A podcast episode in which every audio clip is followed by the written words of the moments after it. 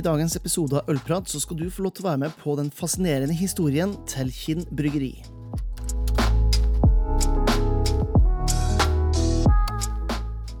Hallo, ølgærninger, og velkommen til nok en episode av Ølprat med meg, Jørn Idar, i førersetet. Dagens episode er med en herremann jeg har kjent i over et tiår nå, og jeg var så heldig å få lov til å være med på å introdusere på det norske markedet eh, nasjonalt, nemlig Espen Lote fra Kinn bryggeri. Og før vi setter i gang, må jeg jo si tusen takk som alltid til de lojale patrions som er med og støtter podkasten med et eh, par kroner i måneden. Det holder eh, serverne oppe, motet i gang og ølmisjoneringstoget i full speed ahead. Så hvis du liker det du hører, syns det er bra det jeg prøver å få til for norsk håndverksøl, så kan du vurdere å klikke linken i shownotesen for å støtte podkasten. Nå er det nok snakk. Det er på tide å fylle kaffekoppen, eventuelt glasset, med noe høyt skummende og lene tilbake for denne ølpraten med Espen Lote.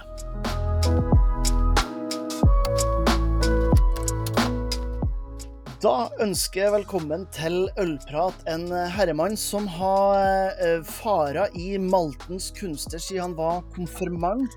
Som eh, ved en tilfeldighet traff en av eh, ja, guruene innenfor norsk hjemmebryggemiljø, og eh, bestemte seg for å gå fra en trygg og god jobb i staten for å satse på å lage øl i gamle melketanker.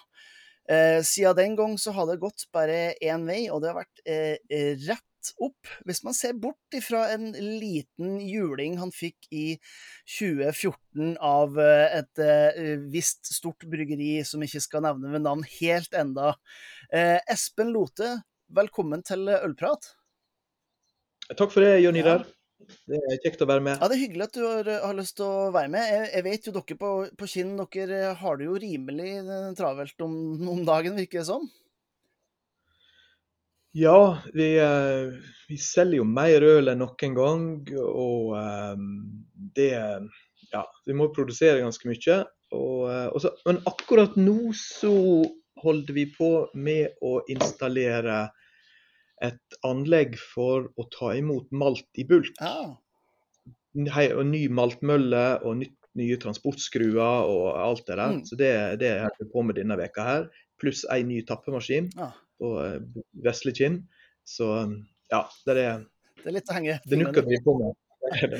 Eh, la, oss, la oss ta det helt, eh, helt tilbake. Eh, fordi at eh, Sånn som jeg forstår den første gangen du brygga øl, eh, øl, det var jo når du var konfirmant. Ja, og det var jo eh, Det var vel det året da jeg var med på brygging. Mm. Jeg ble konfirmert. Det er jo ganske tidlig. ja. Det er ganske Eh, tidlig. Jeg håper at ungene mine som er vokser opp nå, ikke hører på akkurat det her. da. Det er egentlig ikke så mye å skryte av. Men det var sånn det var på, på bygda. Det var, um, du måtte kjøre langt hvis du skulle uh, få kjøpt øl, og eh, vi hadde jo bruk for øl, Ja. syns vi da. Og da eh, ble vi innvia i kunsten å lage det sjøl med maltekstrakt og enkle midler. Ja, ikke sant? Knurr ble det jo kalt òg, Ja. den typen øl. Så det var, det, var, det var to typer øl. Eller det var egentlig, du kan si det at på den tida så var det tre typer øl. Det var knurr, så du lagde enkle midler hjemme. Og så var det konjeøl, så var de mer eh, altså, som var samme som en i, Trønd i, i Trøndelag kaller for maltøl. Altså det, det gamle tradisjonene som en fortsatt holdt i liv inne i Stryn og i eh, Håndalen. Mm. Og så var det kjøpeøl. Ja. Og det kjøpeøl var ikke så lett å få tak i. det var et ølutsalg i, i, i kommunesenteret som var åpent noen timer to dager i Ja, veka. ja, ikke sant? Ja. hvis du skulle på polet, så var det ja, det, det var en lang dag å kjøre att og fram. For det var da enten til Ålesund, til Otta eller Bergen. Ja, det er et par timer i bilen, det. ja, En hel dag, vil jeg Ja, si. Og, og uh, Da, ja. ja da. Så da, da måtte vi bare lære oss det der. Og så lagde vi jo da øl, og det smakte jo ikke godt, men eh, Men det var øl? det gjorde. Det, det gjorde nytten. ja, og så Senere så fortsetter jo jeg med det der, men jeg eh, begynte på en måte å se litt mer på de, de som drev med tradisjonsbrygging. og sant, og fant ut at vi måtte i hvert fall ha einelåg. Og einelåg i ølet det var veldig viktig. og, og begynte da med humle. Men på den tida var det så, så, det var ikke så lett å få tak i humle. Nei. Eh, men eh, vi kjøpte jo humle på apoteket. Ja, okay. Sånne harde pakker med, med, med pressa belgisk eh, humle. Mm. Så det er godt hende du får kjøpt det nå òg, men det er på en måte og Den humlen den har antageligvis veldig lav alfasyre, og sånn, men den bidrar jo til smak på ølet og konserverende egenskaper. Det er mer sånn er generisk humlepakke, da. Ja, ja, ja. Det var det fra, fra, alltid fra Belgia. Pakke inn i lilla papir. Halv kilo. Det brukte vi i mange år. Antageligvis så vil det, den samme humla være det vil være ypperlig til lambic. Ja, ja, for den er litt sånn gammel eh, Ja, for den er gammel og oksidert og eh, ferdig. Den er klar for, eh, klar for surølproduksjon. Den har sett sine bedre dager. Jo, jo, men når du bruker, når du, bruker, når du koker einelåg òg, så, så får du jo en god del bitterhet med fra einelåg. Sånn at du trenger ikke så stort bitterhetstilskudd Nei. fra humler, som, som når du bruker kun humle. Nei, ikke sant. Nei, og så og gikk jo uh, turen til, til storbyen. Det ble jo Begynte som student i, i Bergen. Uh, Ja. Og um, i den perioden der så forsto jeg sånn at du traff en, en annen uh, heimebrygger, nemlig Gard Schmidt Garsen. Ja, han, han var jo kommet litt lenger og hadde litt mer raffinerte råvarer. Og, eh, og hadde eh, tatt med seg noen flasker med bottle conditioned øl fra eh, England. Mm. Hadde vært der. Og så han hadde dyrka opp og, Ja. og laga lagde da Han hadde en standard bitter som han eh, lagde, og en stout.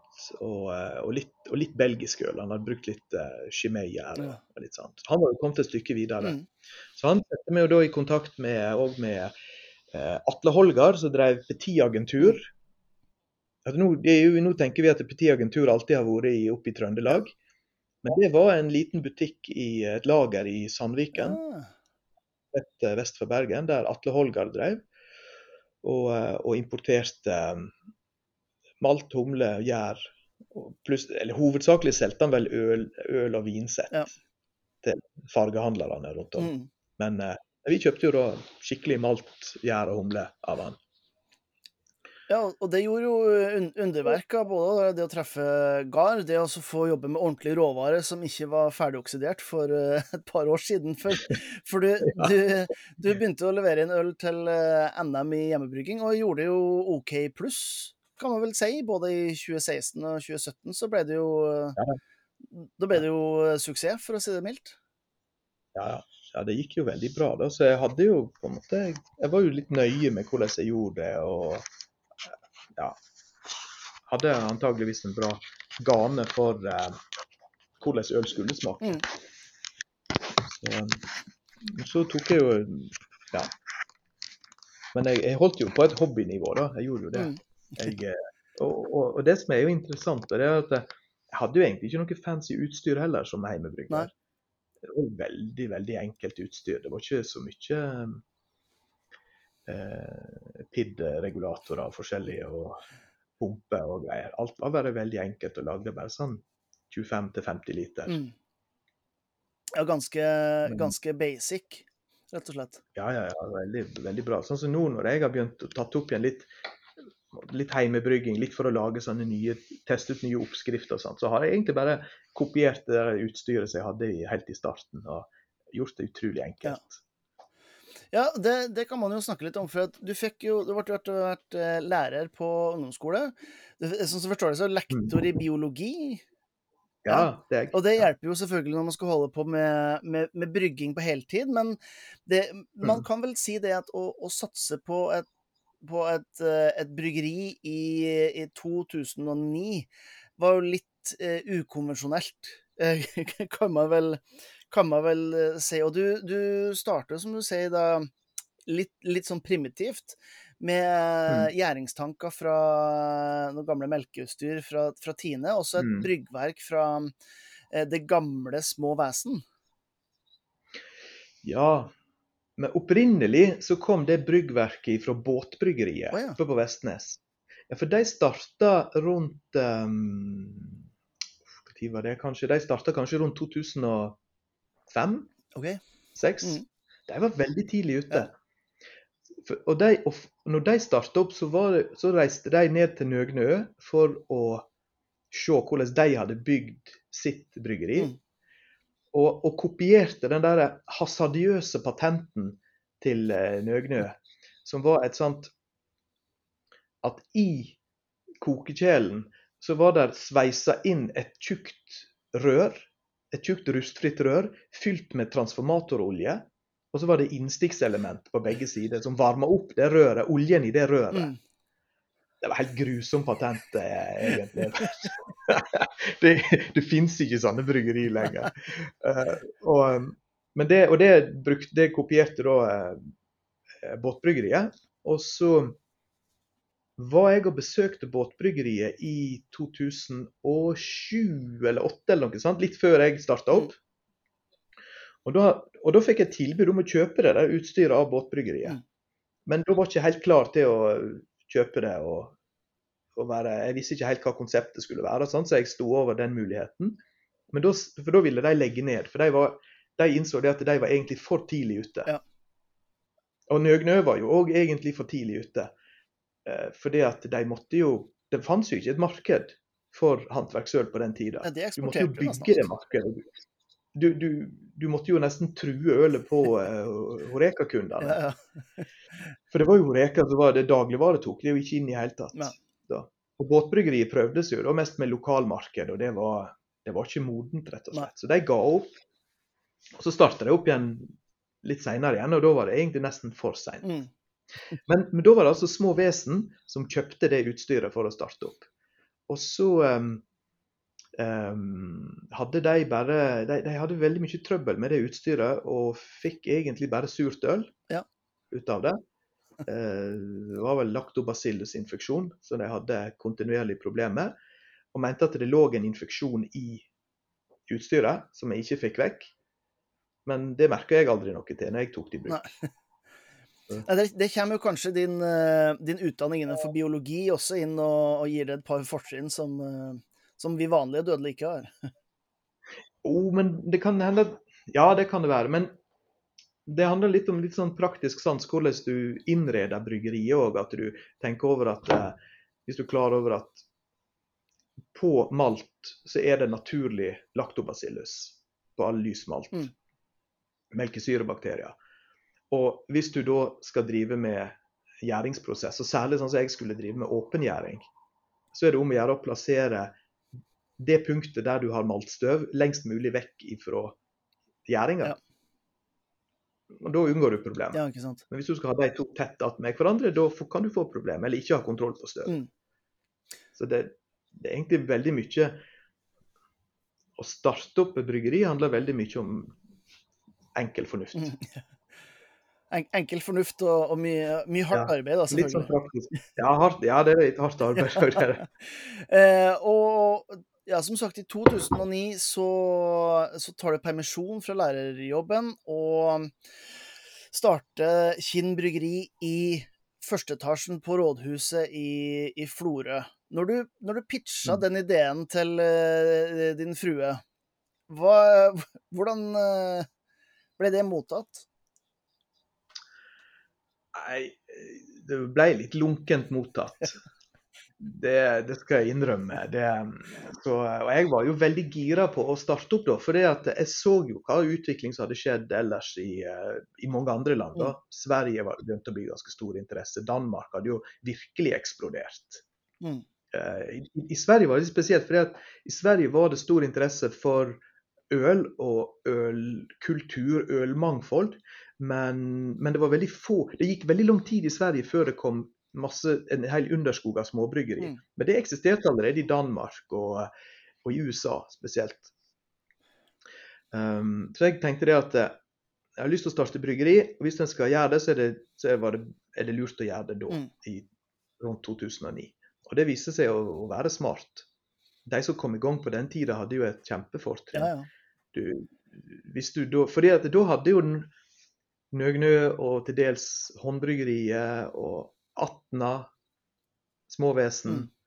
Båtbryggeriet. Mange av de første som starta opp, hadde, um, hadde, hadde brøyta veien. Ja. Sånn at da kunne du komme. Det var omtrent eh, Ja, du kunne nesten komme med hva som helst, og det solgte og ble tatt greit imot. Mm. Men eh, min kone Ann Margrit var eh, ikke så begeistra for det, for da hadde vi i 2008, da vi på en måte bestemte at nå, nå skal vi prøve å få det her til, så hadde vi jo en unge på ett og et halvt år høsten 2008. Ett og et halvt år og hadde en ny på vei. Og så kom det en tredje òg et par år etterpå. Og, så hun satt nå på en måte mer hjemme i ammetåka og sa ha og ja. Ja. det var, Det du kan si det, jo, jeg- å komme med ideer på. Ja, det var ikke helt ideell timing, det der. Men eh, det har jo vist seg å gå bra, da. Og um, vi lever jo lykkelig i lag i dag òg, men eh, det er klart det er jo, var jo litt Det er veldig mange eksempel på at eh, det ikke har gått så bra med alle gründerfamilier. Mm. Ja, det er, Det er ikke- det. det ikke noen tvil om at det er noe Det som, uh, som stjeler både tid og oppmerksomhet og energi fra, fra alle involverte. Ja, og du, du- du tar en du tar en risiko familiemessig og sånt. Og Mm. det var jeg egentlig ikke så klar over og så fokusert på. Nei. Kanskje hvis jeg hadde vært mer fokusert på det, så er det ikke sikkert jeg hadde tatt den risikoen. Så det å starte opp, å starte opp bedrift, så krever det veldig mye fokus, veldig mye tankevirksomhet. Veldig mye av oppmerksomheten din forsvinner inn i det der svarte hullet der i eh, mange over lang tid. Mm. Så en tenker ofte på at eh, gründeren har ofra så mye Gründeren tar så stor risiko med penger og med, med tidsbruk. Men du tar òg en stor risiko når det gjelder de som, de som er nære deg, som du Mm. omgås. De nære relasjonene, rett og slett. Er. Ja. Ja, og det, det var jo ikke akkurat um, eh, noe garanti for at det skulle gå bra, men det skjedde jo mye interessant i, i, i de første årene eh, av, av Kinn også. En av de store tingene som, som skjedde, tør jeg å påstå, i, i 20, eh, 29, eller 2009, eh, var jo det at dere starta opp, men òg at Petter Nome kom inn i, i Bryggeriforeninga og etter hvert greide å eh, overtelle de her store norske mastodontene da, innenfor eh, øl at eh, man måtte ha alle med inn i Bryggeriforeninga. Um, og, og Mm. der var jo dere en av de, de første. Og som en del av det her så ble det skrevet en um, artikkel i Aperitiff der dere ble eh, dratt fram. Og den artikkelen den kom jeg over i, i Bear Enthusiast. Og så husker jeg eh, jeg så beskrivelsen av ølene, og eh, her var det en fyr som lagde øl og solgte til puber i Cornelius-fat. Og da tenkte jeg ja, men det Mm. bruker jeg med hjemme også, så det, det her virker som en fornuftig kar. Og vi, vi starta å jobbe sammen med Bear Enthusiast, og fikk eh, fort traction på ølene dine. Det var jo litt sånn her Det var et sånn sug etter norsk eh, øl, og den ølen som virkelig liksom tok av, det er jo eh, eh, IPA-en som du eh, sjøl egentlig har beskrevet som ikke er din favorittstil, for det, det er for mye humle i det. Og da er jo Mm. og det er litt spørsmålet Hvis det er for mye humle i Vestkyst, som er bestselgeren deres, eh, hvordan tenkte du da? I, I forhold til at det er for mye? Nei, jeg hadde lyst til å lage et, jeg hadde lyst til å lage et produkt som liksom, på den tida da virkelig var et, på en måte et statement. Mm. Som virkelig sa at ja, her er, dette, er, dette er humle. Mm. Og uh, lykkes jo veldig bra med det. For det, på den tida det var jo ikke så mye kraftig fersk humla IPA på markedet. Så den gjorde jo virkelig vei i vellinga da.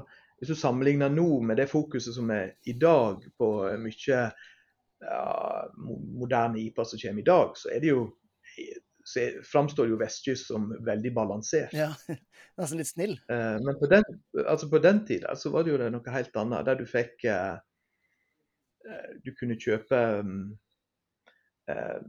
gammel pasteurisert og, og veldig oksidert IPA fra England, Greeny King f.eks. Mm. Og, og, og det, det smakte nesten ikke humle i det hele tatt. Så um, Nei, jeg, jeg, ville liksom virkelig være på en måte Sette standarden. Mm. da. Det syns jeg at vi fikk til. Ja, ja jeg er ganske så, så enig i det. Det var, Det var vel i, var ikke i 2011 vi kom opp med det der? det var 2011 vi, vi starta. Jeg husker jo enda um, første gang jeg besøkte det, det Jeg er litt usikker på om det var i slutten av 2010 eller starten av 2011. Uh, ja.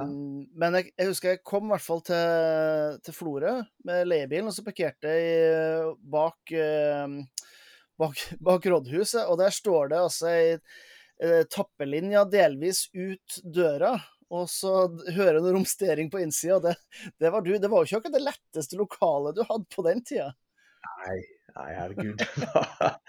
nei, det var ikke Nei, det var veldig kummerslige forhold. Da. Mm. Det var det utrolig tungvint logistikk rundt det hele. og Det var jo på en måte ikke planlagt for den, at det skulle bli så stort. Nei.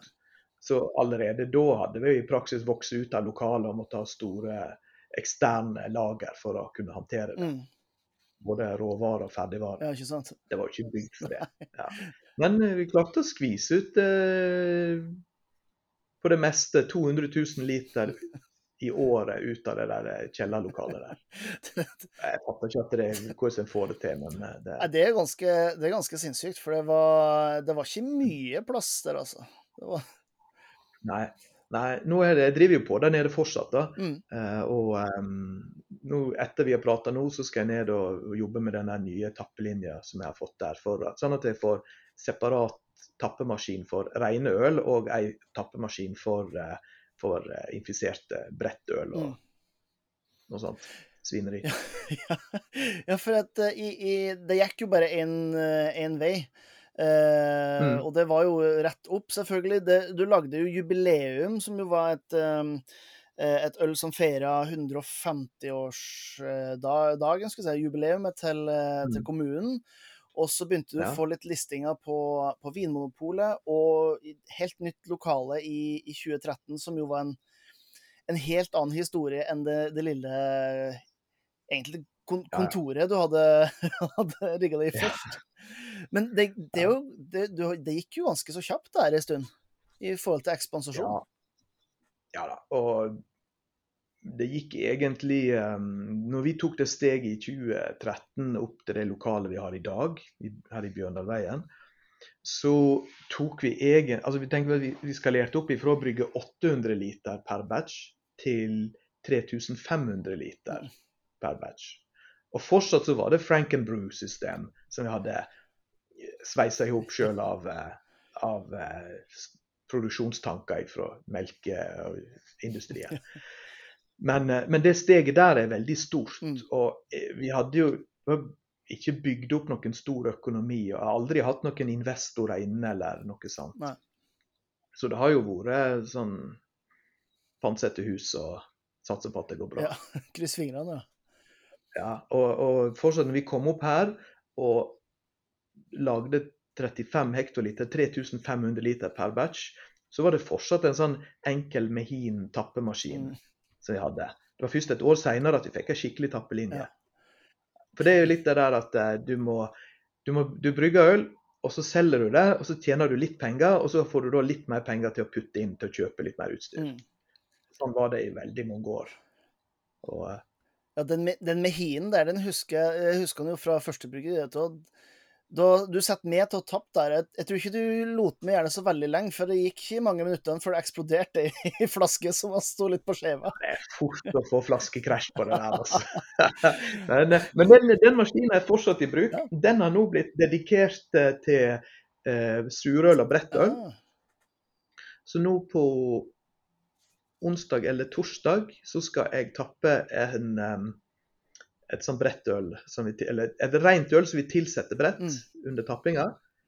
Uh, litt i samme stil som uh, Orval. Mm. Så, ja, for det er ikke noe, den er fortsatt, ja. ja for det er, ikke, det er ikke noe tvil om at, at du henta, i hvert fall originalt, så du henta mesteparten av inspirasjonen din ifra mer tradisjonelle ølland, sånn som England og Belgia, i din, den typen mm.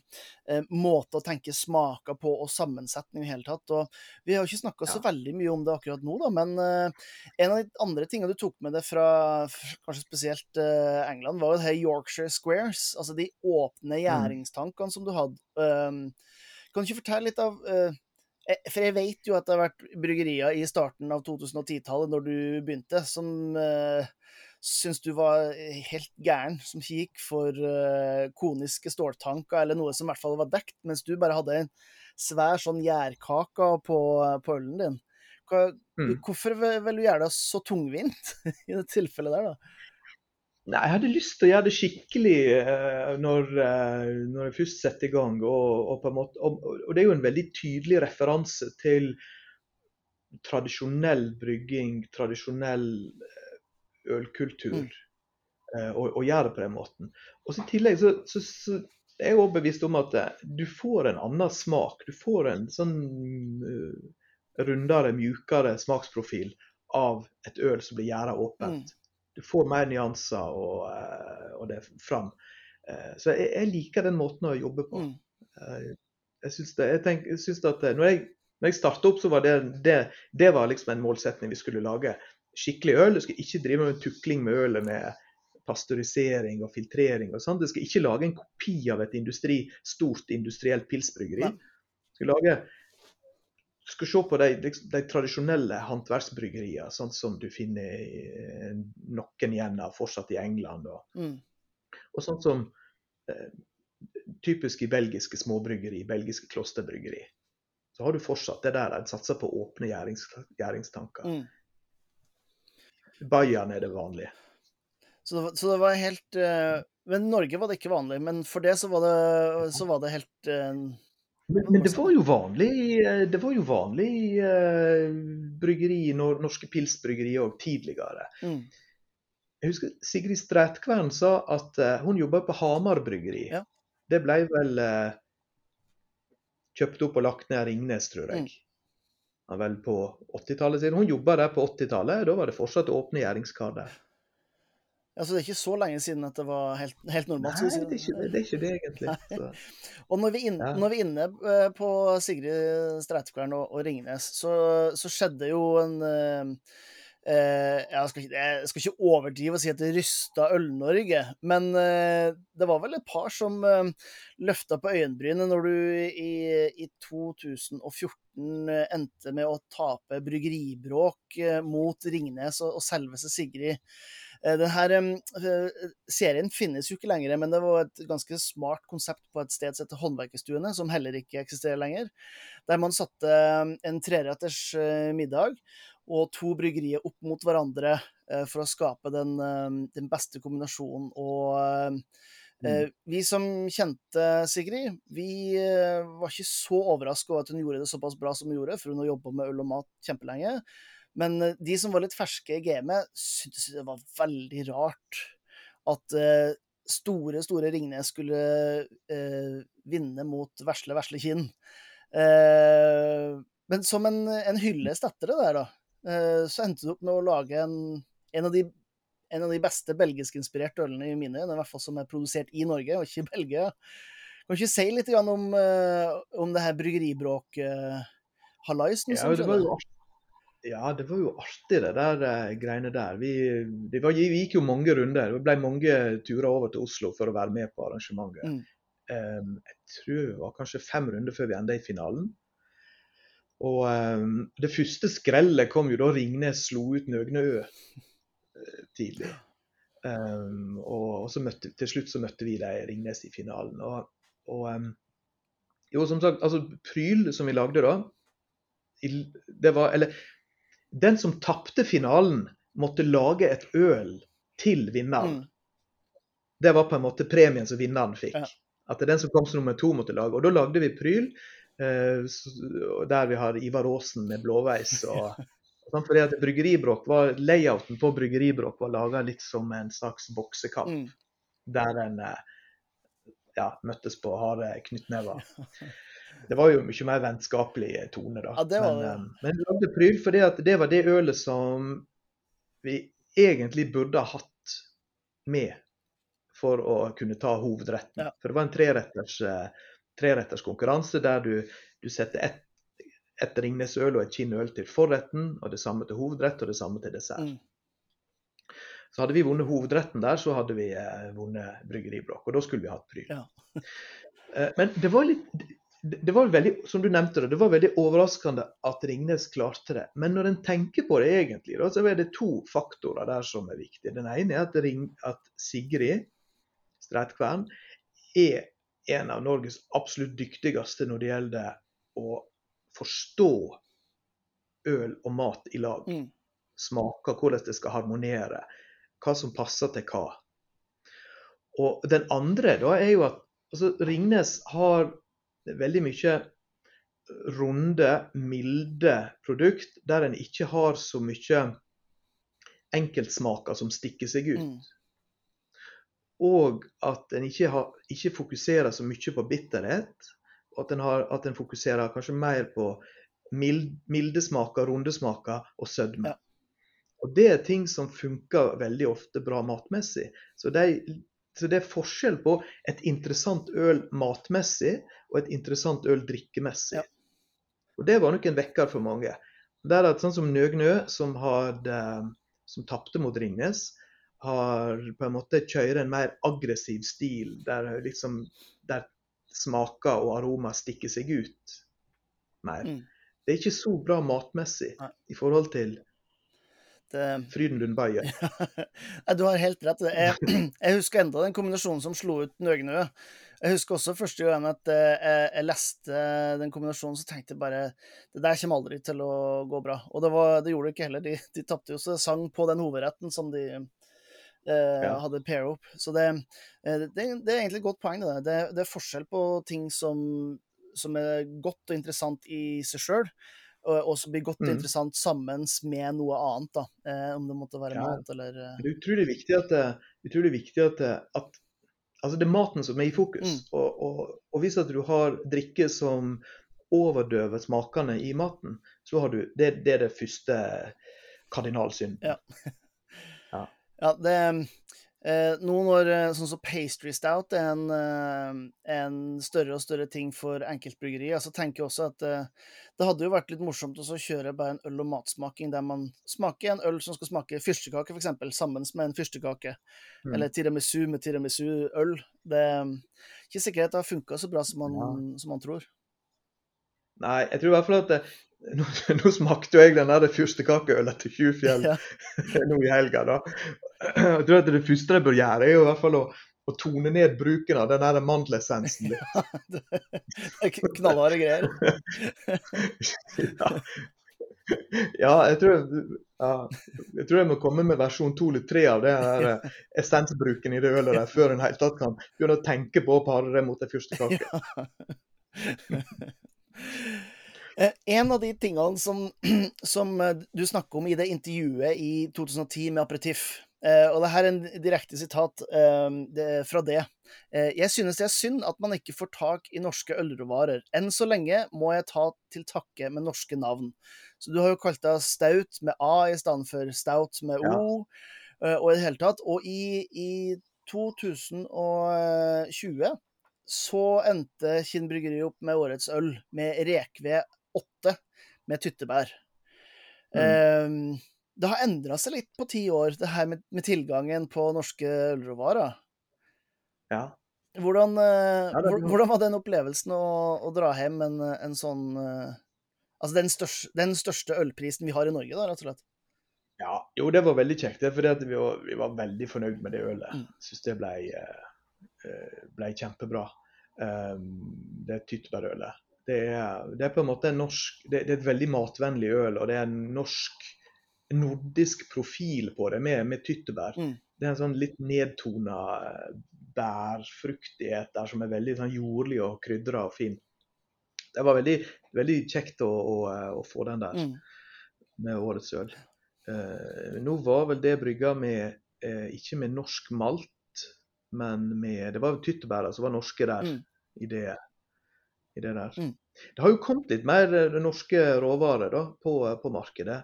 Ikke så mye norsk humle å, å snakke om. Nei.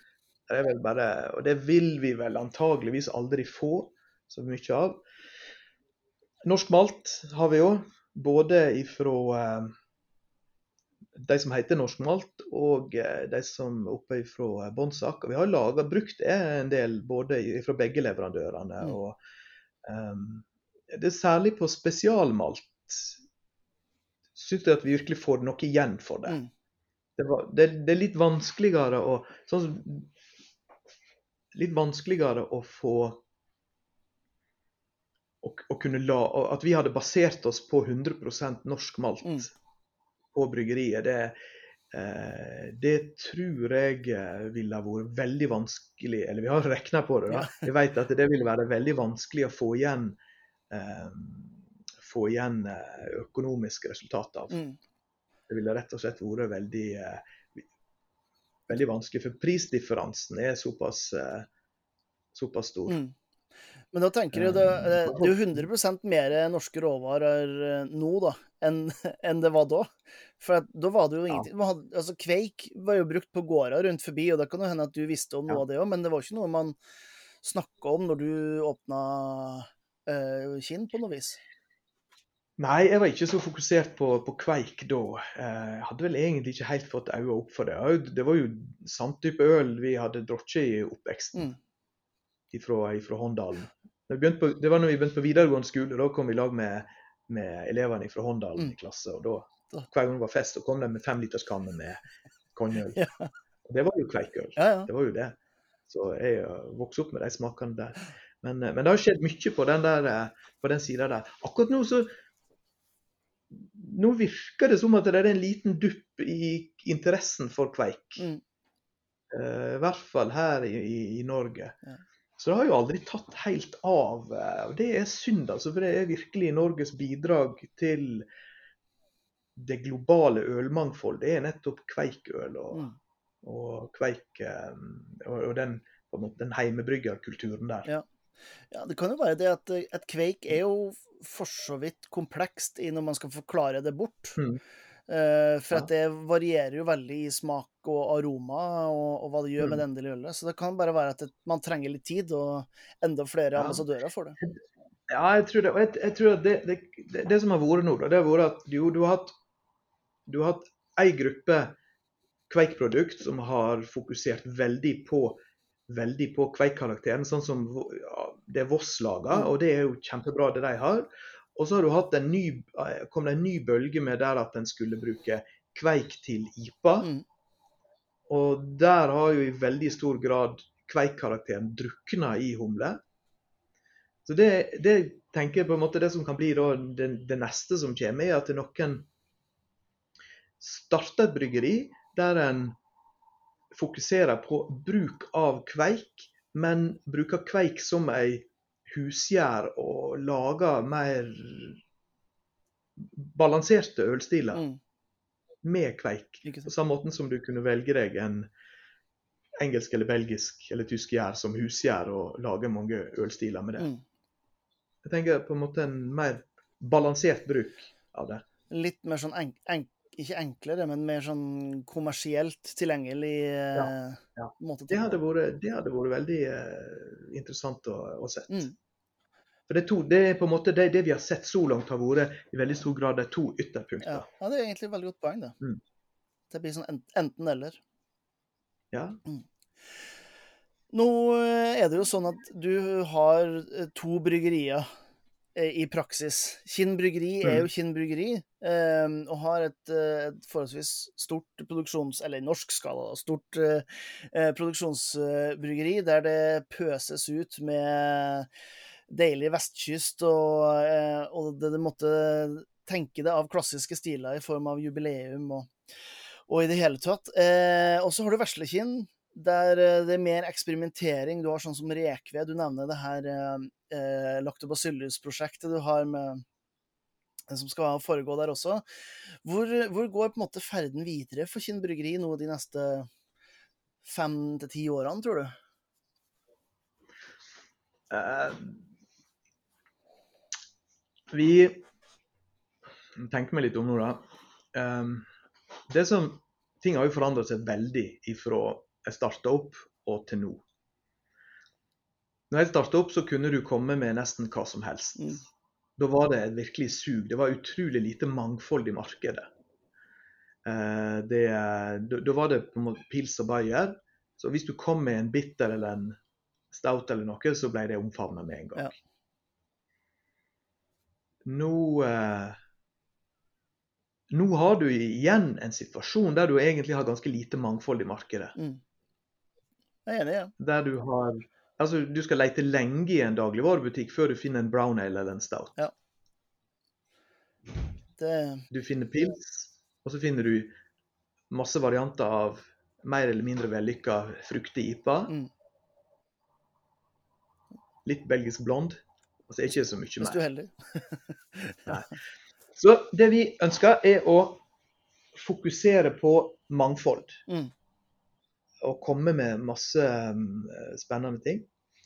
Det vi eh, Ja, så det, det er på en måte det, korte svaret. Vi kommer ikke til å henge oss på uh, uh, Neipa og pastry stout-greiene. det tenker jeg at eh, det er helt greit. Det, det, er jo, det er jo ølstiler som har kommet inn og som vil eh, gjøre seg gjeldende i historiebøkene og sånt, Mm. men vi tenker at vi ikke kommer til å fokusere så mye på det. Men eh, jeg synes det er kjempespennende. sånn som vi har nå i, um, i, Nå har vi nettopp lansert nå i mai lansert Alvor. Som er det ikke laktobacillus, men brett Mm. øl. Rent brett øl der vi har dyrka opp Der vi lager en startkultur av noen flasker Orval Mm. og tilsetter ved tapping. Alvor er for øvrig et anagram på Orval. Jeg hørte, jeg hørte det med en gang. men det er ikke helt det samme. Det er ikke helt det samme Hvis man sier, eh, innholdet. Da. Vi hvis man ja. sier det med litt sånn belgisk aksent, så alvor, så høres det ut som Orval, egentlig. Ja, ja. Eh, jeg synes det er veldig spennende. Vi, eh, vi kommer til å gjøre mer på brennevinsfat. Mm. På barleywine og imperial stout. Men prøve å gjøre det elegant. Min stil er ikke at ting skal være så, voldsomt, være så massivt. Uh, sånn at, altså, veldig mye av det som har kommet på, fra, fra uh, spritfat, har vært dess mer, dess bedre. Ja. Altså, ja, er det litt bourbon-karakter, så er det bra. Er det mye bourbon-karakter, så er det enda bedre. Mm. Vi, vi skal ikke jobbe på den måten. Vi skal lage elegante ting som har vært på spritfat. Mm. Vi har um, at vi kommer med en ny serie med barley wine. Der at eh, basisølet, Arktis, kommer i september. Som er en 12% engelsk barley wine. Eh, og så eh, litt etter hvert så kommer det da diverse nye varianter av den. I tillegg til basisølet vil, vil komme òg. Mm. men så kommer det nye varianter av den på spritfat. Ja. Så en, en, Og, som du sier, da, mm. fokusere enda mer på å få et ganske sånn bredt, eh, bredt spekter av, av øl. Og så har vi, vi har jo veldig mange øl allerede i, både i basissortimentet i Vinmonopolet, og vi har vel sju øl i dagligvare. Så til sammen vi har vi har mange produkt. Og, og det er ganske krevende. For det er sånn som vi lager øl, så, så lager vi alt ølet sjøl. Mm. Mens veldig mange andre av våre det er andre, andre ting vi møter i markedet, der er det jo det er jo brygging per e-post. Mm.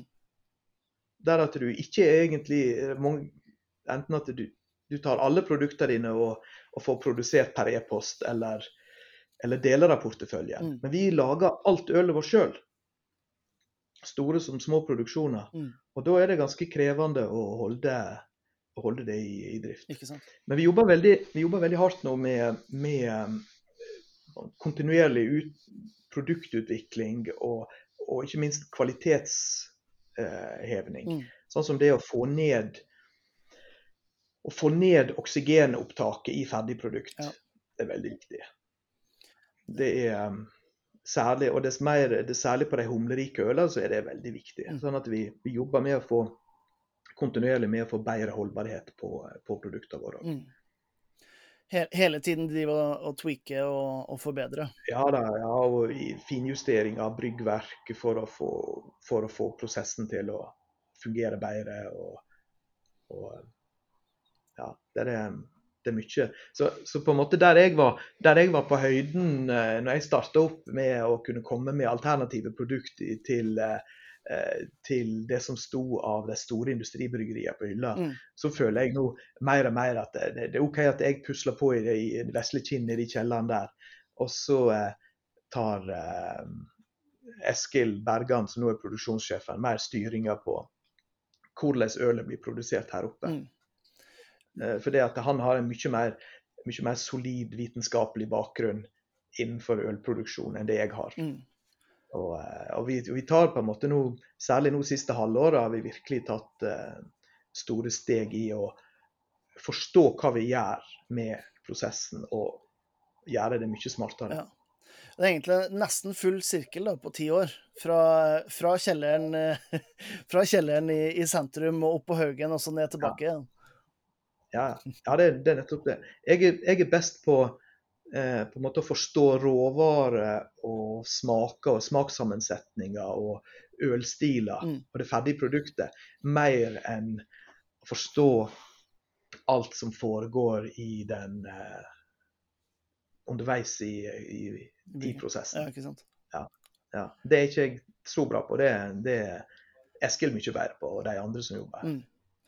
En, en eh, solid selvinnsikt er det nok eh, Det er nok mange som kunne, Ja, gründere som kunne lært litt av det. Ja.